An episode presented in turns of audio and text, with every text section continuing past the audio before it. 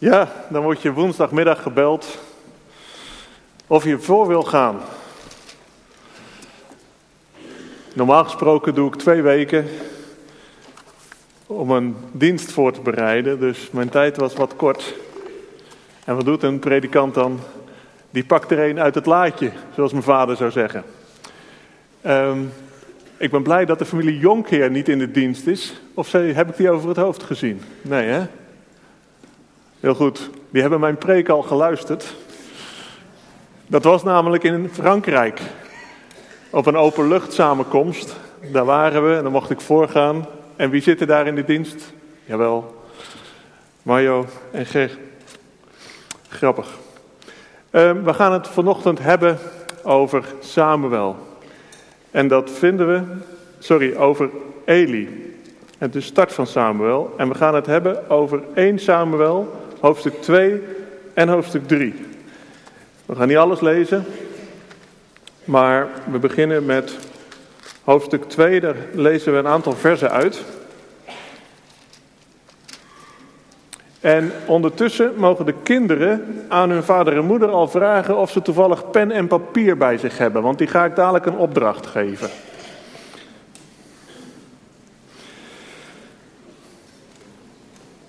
We gaan lezen in hoofdstuk 2 vanaf vers 11. 12, excuus. Vanaf vers 12.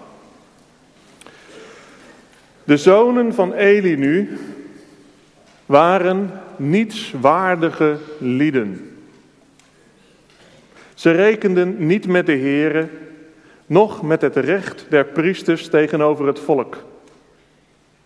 Telkens wanneer iemand een slachtoffer bracht, kwam, zodra men het vlees ging koken, de knecht van de priester met een drietandige vork in zijn hand en stak die in de pot of in de pan of in de ketel of in de kookpot. En al wat de vork naar boven bracht, nam de priester voor zich. Zo behandelden zij alle Israëlieten die daar te Silo kwamen. En dan hoofdstuk 3, de roeping van Samuel. De jonge Samuel was in dienst van de Heer onder toezicht van Eli. Nu was in die dagen het woord van de Heer schaars. Gezichten waren niet talrijk. In die tijd had Eli zich eens op zijn gewone plaats te rusten begeven. Zijn ogen begonnen zwak te worden. Hij kon niet meer zien. Nog was de lamp van God niet uitgegaan. Samuel had zich te rusten begeven in de tempel van de Heer, waar de ark Gods was. Toen riep de Heer Samuel en hij zei: Hier ben ik. En toen snelde hij naar Eli en zei: Hier ben ik, want u hebt mij immers geroepen. Maar deze zeide: Ik heb niet geroepen. Leg u weer neer. Toen ging hij heen, legde zich weer neer. En de Heer riep Samuel opnieuw. Toen stond Samuel op, ging naar Eli en zei: Hier ben ik, gij hebt mij immers geroepen. Doch deze zeide: Ik heb niet geroepen, mijn zoon, leg u weer neer. Samuel nu kende de Heer nog niet. Nog nooit was hem een woord van de Heer geopenbaard. En de Heer riep Samuel nog eens voor de derde maal. Toen stond hij op, ging naar Eli en zei: Hier ben ik, want u hebt mij immers geroepen. Toen begreep Eli dat de Heer de jongen riep. Daarom zei Eli tot Samuel: Ga heen, leg u weer neer. En als hij u roept, zeg dan: Spreek, Heer, want uw knecht hoort. En Samuel ging heen en legde zich weer op zijn plaats neer. Toen kwam de Heer, bleef daar staan en riep als de vorige keren: Samuel, Samuel. En Samuel zei: Spreek, want uw knecht hoort.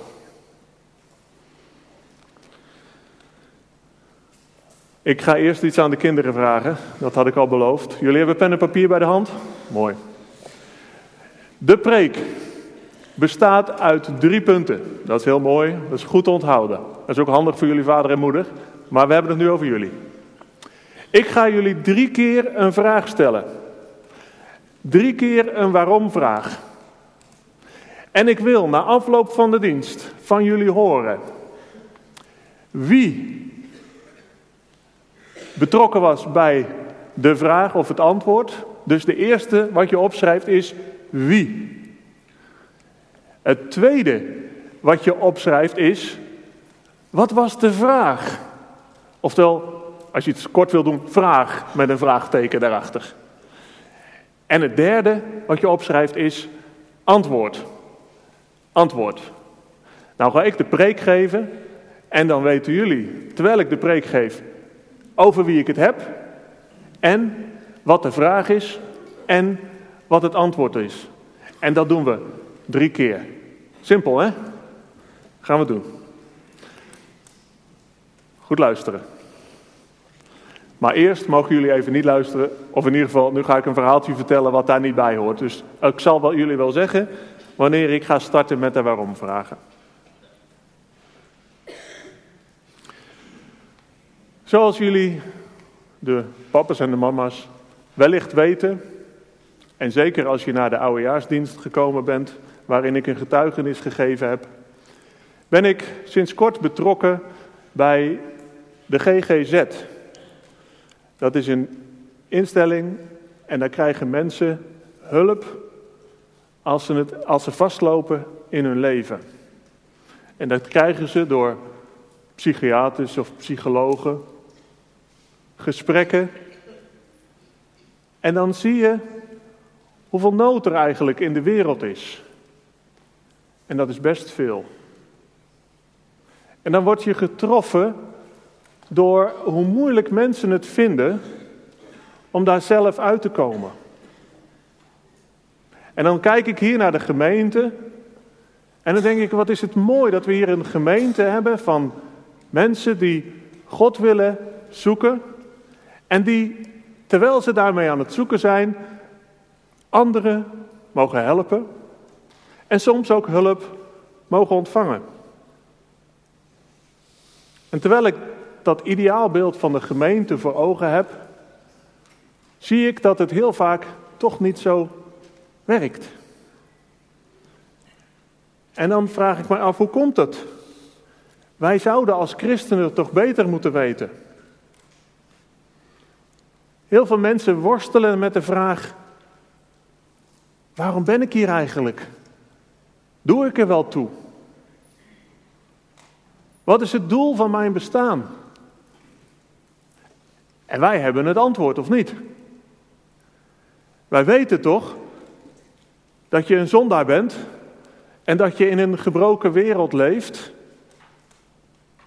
Wij weten toch dat Jezus Christus gekomen is en de prijs heeft betaald zodat we weer in relatie met God mochten komen. Wij weten toch dat God juist vanwege dat offer, als wij komen, ons niet in de kou laat staan, maar ons zijn genade geeft. En we weten toch dat wij, als we eenmaal geknield hebben en zegt, Heere God, wilt u in mijn leven komen? Dat we dan dat leven wat Hij geeft, mogen leven? Dat is de theorie, toch? En toch. En toch. En toch zie ik dat heel veel christenen een ander leven leiden. En dat gaat met heuvels en dalen. En als er dan hier een stel staat met een kind, dan zie je de bergen.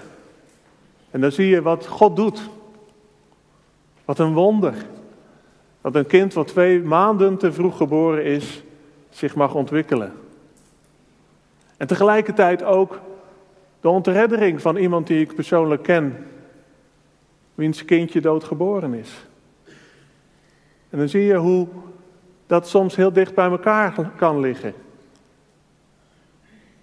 En dan stellen mensen zich de vraag: Heere God, waar bent u? Heere God, ziet u mij nog?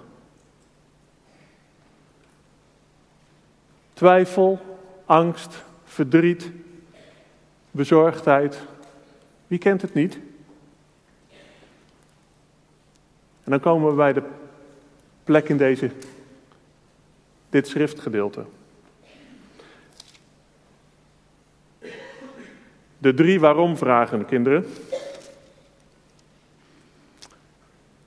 Waarom kunnen wij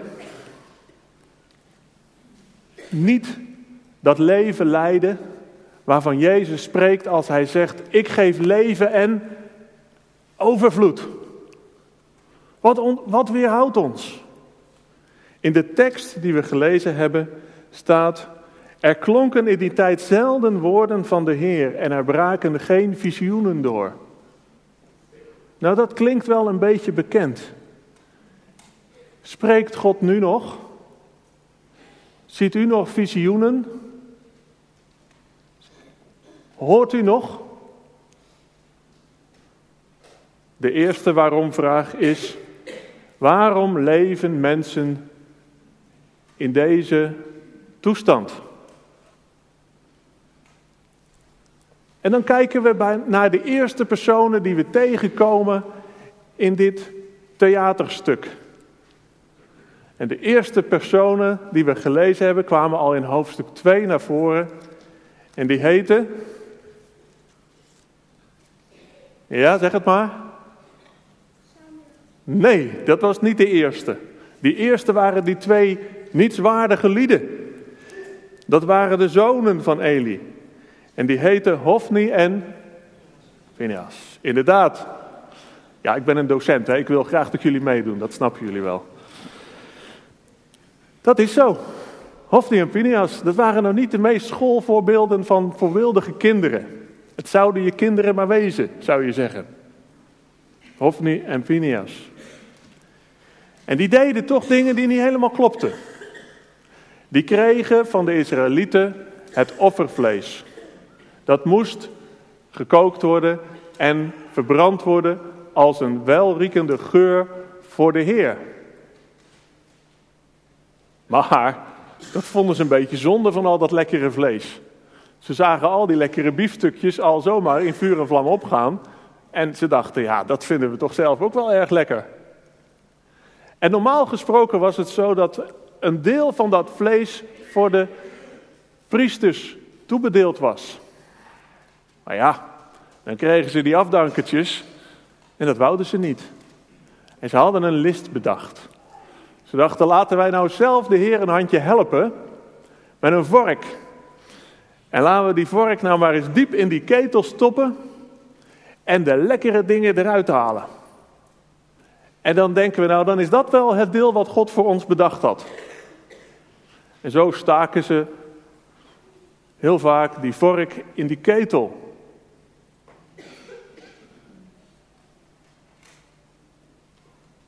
Zijn wij zelf ook soms niet zo? Hebben wij zelf ook soms niet een vork in onze hand om de Heer een handje te helpen? Heer, u heeft vast wel bedacht dat ik. En dan zal ik vast alvast u een handje helpen. En zo steken wij met onze vork in ons leven. En komen wij op de plekken die wij goed vinden. En of dat nou is die mooie baan, of dat leuke meisje, of die mooie auto, of wat heeft u aan uw vork hangen?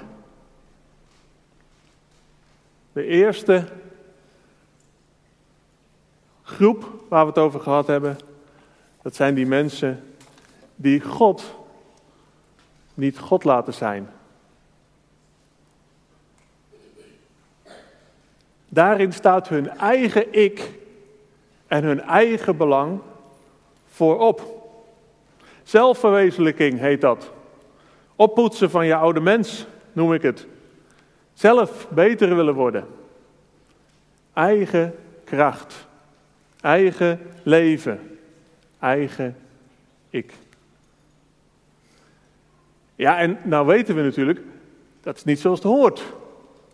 Nee, zeggen we dan, dat moet je niet doen. Maar wat moet je dan wel doen? Want soms dan hebben we een probleem. En dan zitten we even zonder vlees. En wat doe je dan? Dan ga je toch op zoek naar voedsel? Dan ga je toch op zoek naar antwoorden? Ik zei dan vroeger altijd, dat moet je loslaten. Tegenwoordig zeg ik, dat hoef je niet los te laten, want dan laat je het vallen. En de problemen die we tegenkomen in het leven, die hoeven we niet te laten vallen. Want die zijn er wel degelijk. Ik heb een tijdje, heb ik al eerder gezegd, een tijdje zonder werk geleefd. En dan ga je noodruftig zoeken naar een werk. Ja, want je wilt weer werk hebben.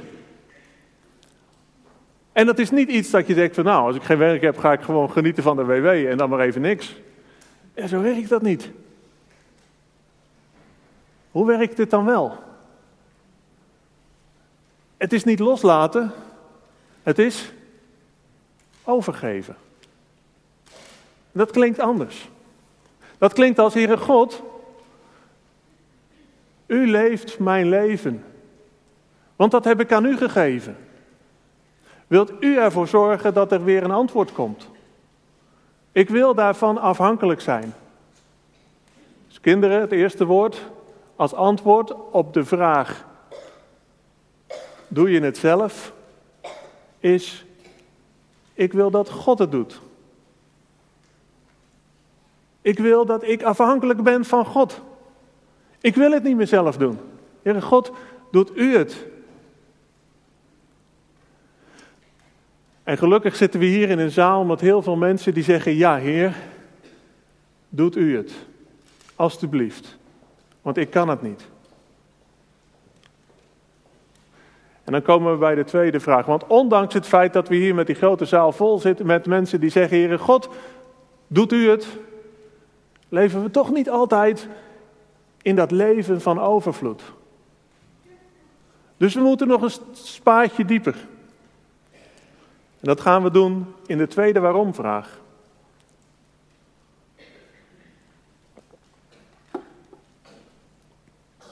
Waarom vinden mensen het zo moeilijk om God te vertrouwen? Waarom vinden mensen het zo moeilijk om God te vertrouwen? En dan gaan we naar de tweede persoon die we in dit schouwspel tegenkomen.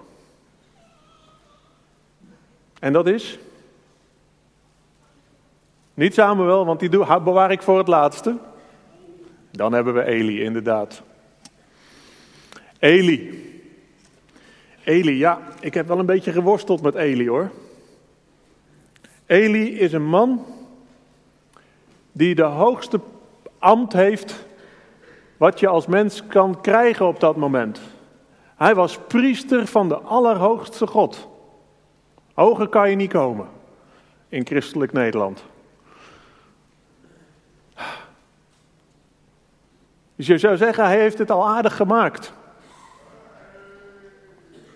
Hij heeft heel veel van God ontvangen. En tegelijkertijd heeft hij ook twee zonen gekregen. Tja, en dat is lastig. Want die zonen deden nou net niet wat hij wou. Maar het ontbrak hem aan kracht om ze op het goede pad te brengen.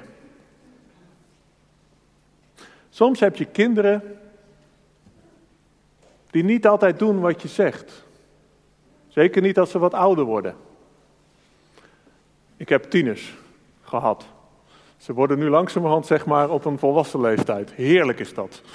Ik weet nog heel goed dat ik uh, Johan Tensen, uh, die zat met mij toen in de raad en die zei: Ik heb nu zo'n leuke fase van mijn leven, want mijn kinderen zijn volwassen aan het worden en, ze, zei, en ik heb zo'n leuk contact met ze. En ik zat te worstelen met die pubers en ze deden alles wat God verboden had en ze waren zo tegendraads. En ik denk, och, ik hoop dat dat voor mij ook ooit een keer gaat komen. Het gaat komen, Johan, dankjewel. Voor het perspectief wat je me gegeven hebt. Ja, ook daar moet je doorheen als ouders. En dat is niet altijd even makkelijk. En tegelijkertijd leer je ook daarin dat je fouten hebt gemaakt als vader. Toch? En dat je het niet altijd goed doet. En daardoorheen mag je de genade van God eerst voor jezelf ervaren. En tegelijkertijd mag je die ook weer doorgeven aan je kinderen. Heere God, houd van je. En ik hou van je. Dwars door de tranen heen. Eli had niet zo'n relatie met zijn kinderen. En dat kwam ergens door. Ik dacht bij mezelf, Eli jongen, hoe voelt dat? Om zo als vader door het leven te gaan. Je moet je een mislukkeling voelen. Je moet je zelf inzicht zal niet zo groot geweest zijn. Ik heb gefaald. En hij was ook niet meer bij machten om er iets voor tegen zijn kinderen van te zeggen. Zijn zelfbeeld was niet zoveel. Ben je als Eli gebutst door het leven? Denk jij als Eli dat je niet zoveel waard bent? Dat je eigenlijk het niet waard bent om hem te dienen? Want kijk eens achterom. Wat een puinhoop het leven heeft gemaakt. Zie jij de scherven van het leven? Wat doet dat met je eigen zelfbeeld?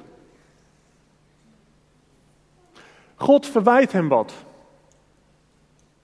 Als je hoofdstuk 2, dan mag je thuis doen, nog een keer doorleest, dan zie je dat God verborgen was. Verbolgen over het feit dat hij niet ging staan in zijn positie. Om te gaan staan in de positie die God hem gegeven heeft. Priester. Jij en u bent priester in uw eigen gezin. Dat is niet omdat u zo goed bent. Dat is niet omdat ik zo goed ben. Verre van dat. Maar dat is omdat God u en jou die positie heeft gegeven. Ga daarin staan. Dat hebben die kinderen zo nodig.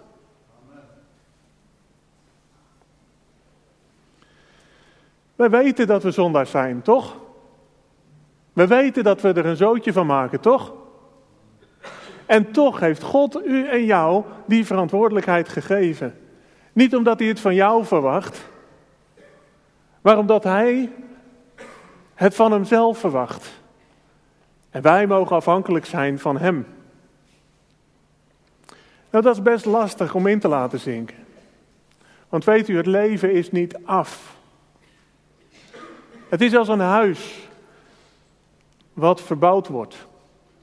Het ziet er van de buitenkant misschien leuk uit, maar als de aannemer eenmaal begint, dan zet hij zo'n stellage er neer en dan breekt hij een paar muren af en dan wordt het stoffig en vies.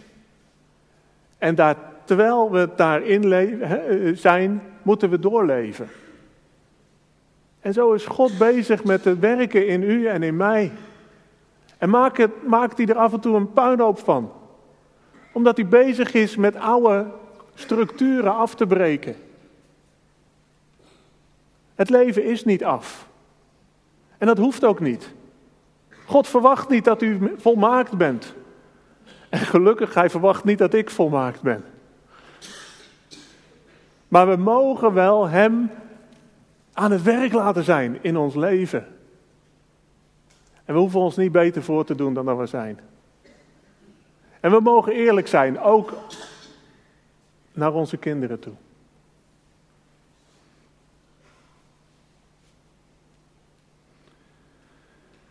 Aanvaarding.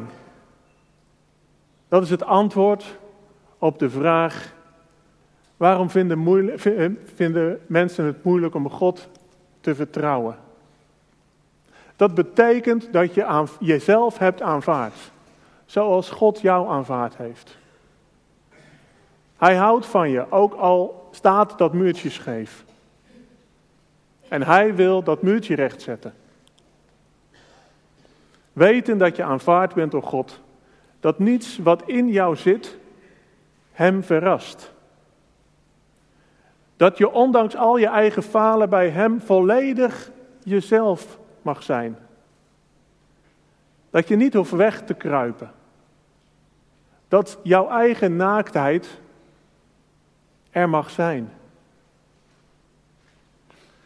Weet u, als u dat ervaart en eerlijk naar uzelf kunt kijken en weet dat ondanks dat hij toch van je houdt, dan kan je dat ook doorgeven aan de ander.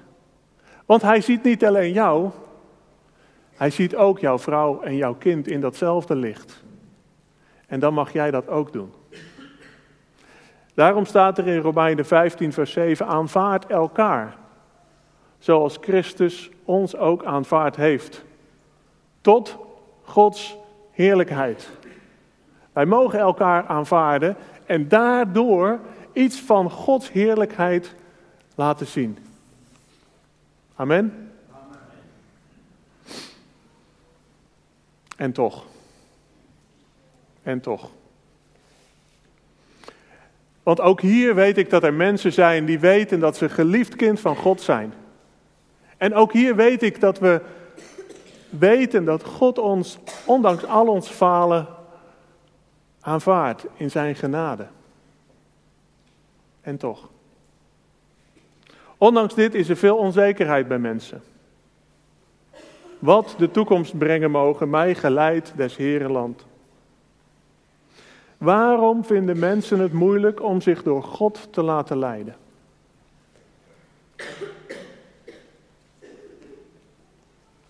Dat is de derde waarom-vraag. Kinderen, schrijven jullie mee? De derde vraag. Waarom? En dan komen we bij de vraag: waarom luisteren we zo slecht? Want dan komen we hier, we hebben al gezegd, er klonken weinig uh, visioenen door. En er waren zelden woorden van de Heer. En dan is de vraag die daaronder ligt: herkennen we Gods stem eigenlijk nog wel? Zijn we nog wel in staat om Gods stem te verstaan? Dat was het probleem van Samuel, niet waar? Samuel, die had Gods stem nog nooit gehoord. En die denkt dat is de stem van Eli. En tot drie keer toe moest God roepen en, en Samuel snapte er niks van. En toen duurde het dus drie keer voordat Eli doorhad: hé, hey, dit zou wel eens niet ik, dat zou wel eens God kunnen zijn. Luisteren. Luisteren. Wat heb je nodig om te kunnen luisteren? Twee oren. Niet één, twee. En ik zal jullie vertellen waarom je er twee nodig hebt. Want je moet actief luisteren. Soms als je vader en moeder wat tegen jou zegt, dan ben je bezig met een spelletje. En dan kan moeder praten wat hij wil. Maar je hoort het gewoon niet. En dan zegt moeder, hoor je me niet? Ja, ik hoor je wel, maar het is niet doorgedrongen. Kennen jullie dat? En dan zegt je moeder, zeg nou eens wat ik gezegd heb dan. En dan weet je het niet meer zo goed. Dan denk je dat je het gehoord hebt, maar eigenlijk is het niet helemaal doorgedrongen. Dan is het het ene oor ingegaan en het andere oor er weer uit. Toch? Ja, nou troost je met de gedachte dat overkomt papa en mama ook wel eens. Ja. ja, dat wisten jullie niet, maar dat is wel zo. Dat verklap ik dan nu maar even. Ik heb een keer een psychiater gehad die vorige, eh, een paar maanden geleden tegen mij zei: Pim, als ik luister naar die gesprekken die die mensen met mij hebben, en hij luistert nogal wat vaak, dan luister ik altijd met twee oren. De ene gebruik ik om te luisteren naar wat er gezegd wordt. En dan luister ik naar het symptoom. Naar wat hij zegt waar hij last van heeft. Net als een dokter die luistert met het ene oor en die hoort jou zeggen: Ik heb pijn in mijn keel. En de andere oor, die luistert en die zit tegelijkertijd te denken naar, ja, dit is het symptoom. Maar wat zit daaronder? Wat veroorzaakt die keelpijn? Nou, dat kan van alles zijn, daar heeft hij voor gestudeerd. En die psychiater die denkt, ik hoor u zeggen dat u altijd problemen hebt met de ander. Maar eigenlijk zegt u, en dat hoort hij ook, daar heeft hij ook voor gestudeerd. Ja, wat zeg je eigenlijk? Wij mogen luisteren met twee oren. Aan de ene kant horen naar wat, u, wat er gezegd wordt. Wij hebben ook twee ogen. En we mogen kijken en zien naar datgene wat er gebeurt. Maar met dat andere oor en met dat andere oog mogen we ook zien naar hoe God tegen de dingen aankijkt. En vanuit Gods perspectief de wereld beluisteren. Wij hebben allemaal behoefte aan iets. Behoefte aan verbondenheid. Behoefte aan autonomie. Behoefte aan grenzen stellen. Tot hiertoe en niet verder. Maar ook soms behoefte aan, sla nou eens die arm om mij heen. Ik heb je zo nodig. Als wij naar elkaar luisteren, luisteren we dan naar wat er gezegd wordt? Of luisteren we naar wat de ander diep van binnen bedoelt? En gelukkig hebben we een God die met twee oren en twee ogen luistert en ziet. En die ons beter kent dan wij onszelf kennen. En daarom is het zo mooi dat we bij God mogen komen en tijd met Hem mogen doorbrengen. Want Hij gaat dwars door alles heen. En Hij raakt ons hart. Het enige probleem wat we daarmee hebben, dat is waar we de vorige week een hele preek over gehad hebben. Dat is tijd. Waar halen we de tijd vandaan om naar God te luisteren? Want het is veel makkelijker om je te verliezen in de wereldse zaken. Instant bevrediging. We hebben geen geduld meer om te wachten. En soms blijven antwoorden uit, terwijl we de vraag wel gesteld hebben. En vraagt God ons om te wachten. Soms blijft genezing uit. En zegt God, het is mijn tijd nog niet.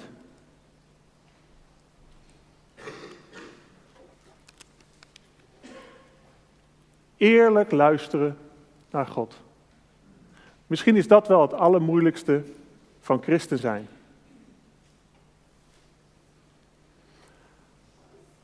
We hebben drie vragen gesteld. De eerste vraag was, kinderen, wat was de eerste vraag? Wie? En wie was er bij de eerste vraag betrokken?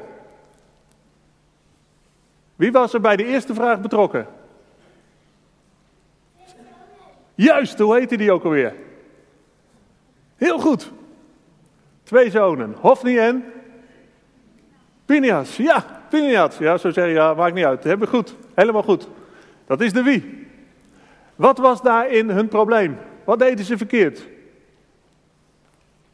Wat hadden ze in hun hand? De? De vork. Ja. Wat gingen ze doen? Ze gingen zelf hun problemen oplossen. Was dat de bedoeling? Wat hadden ze moeten doen? Wat hadden ze moeten doen? Hadden ze zelf die, dit vlees moeten, eruit moeten halen? Ja, ze moesten luisteren naar God. Ze moesten God het werk laten doen. Heel goed. De tweede vraag. Wie ging daarover? Welke persoon stond daarin centraal? Zeg het maar. Eli. Ja, heel goed. Wat was zijn probleem?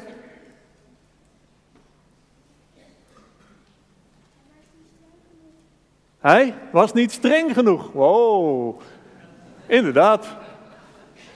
Hij was niet duidelijk genoeg naar zijn zonen. Dit mag wel, dit mag niet.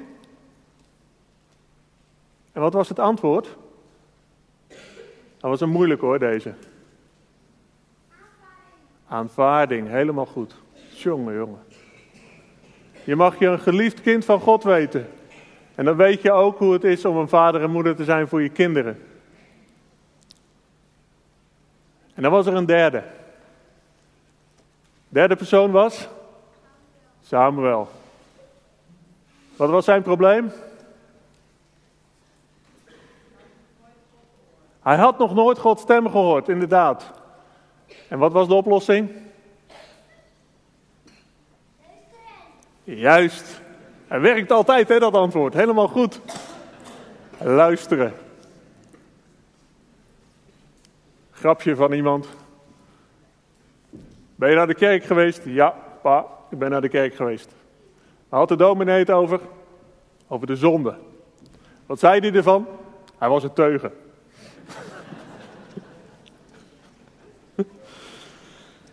Heel goed, we komen aan het eind van de preek.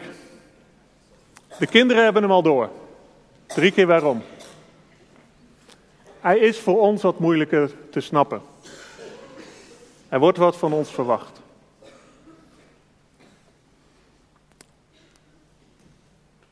Ik weet dat u, anders zat u hier niet, het verlangen heeft om God te volgen. En om niet uw eigen oplossingen te zoeken. Maar vraagt u zichzelf af, op welk gebied van mijn leven hou ik mijn vork nog in handen? Ik weet dat we hier in een zaal zitten van mensen die zich een kind van God weten. Een geliefd kind van God. Maar vraagt u zich eens af, op welk gebied van uw leven u dat niet echt ten diepste ervaart. En ga daarmee naar de Vader. Om u ook dat gebied ook volledig te laten vullen met zijn geest. En dan komen we automatisch, maar ten diepste ook het belangrijkste, bij de derde fase. Neemt u nog tijd om echt te luisteren naar zijn stem? Ik heb nu weer een drukke baan. En dan is het vinden van die tijd niet altijd eenvoudig. En dan is het fijn om een groep mensen om je heen te hebben waar je je mee kunt verbinden. Om op die manier tijd te nemen en, wat noemden we, hoe noemden we het vrijdagavond, accountable te zijn. Een plek waar je, hoe noemen ze dat in het Nederlands? Help me eens. Accountability. Tom? Ah, aanspreekbaar, dankjewel. Om waar je aanspreekbaar kunt zijn. Waar je elkaar ook kunt bevragen, hey, daar had je last van afgelopen week. Hoe is het ermee gegaan? Vertel eens, leg eens uit. Niet om de ander terecht te wijzen, maar om de ander te helpen om Gods stem in zijn leven te verstaan. Want dat is al moeilijk genoeg. Zullen we daar tijd voor nemen? Ook nu? Om God te zoeken?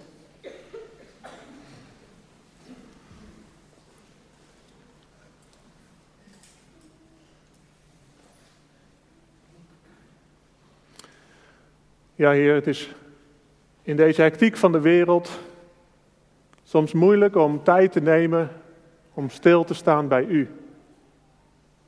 Heer, en op momenten dat we dat doen, dan realiseren we ons dat er zoveel in ons leven ons vasthoudt. Zorgen, gedachten, verlangens, wensen, behoeften. Zaken die in ons hart spelen, die deel van ons zijn. En Heer, zo vaak proberen we zelf te zoeken naar oplossingen. En u staat met open armen. En u zegt, kom maar mijn kind. En wat is het fijn, Heer, om met elkaar ons te realiseren dat we mogen komen. Dat we niet onszelf beter over voordoen dan dat we zijn, maar dat we mogen komen. En dat u in ons hart gaat bouwen aan het herstellen van die muren die scheef staan. Leer ons, Heer, om tijd te nemen met u.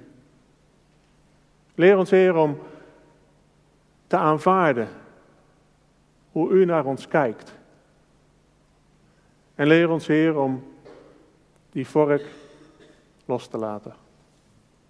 Zegent u ons hier, opdat we tot een zegen mogen zijn voor de wereld die u zo nodig heeft. Amen.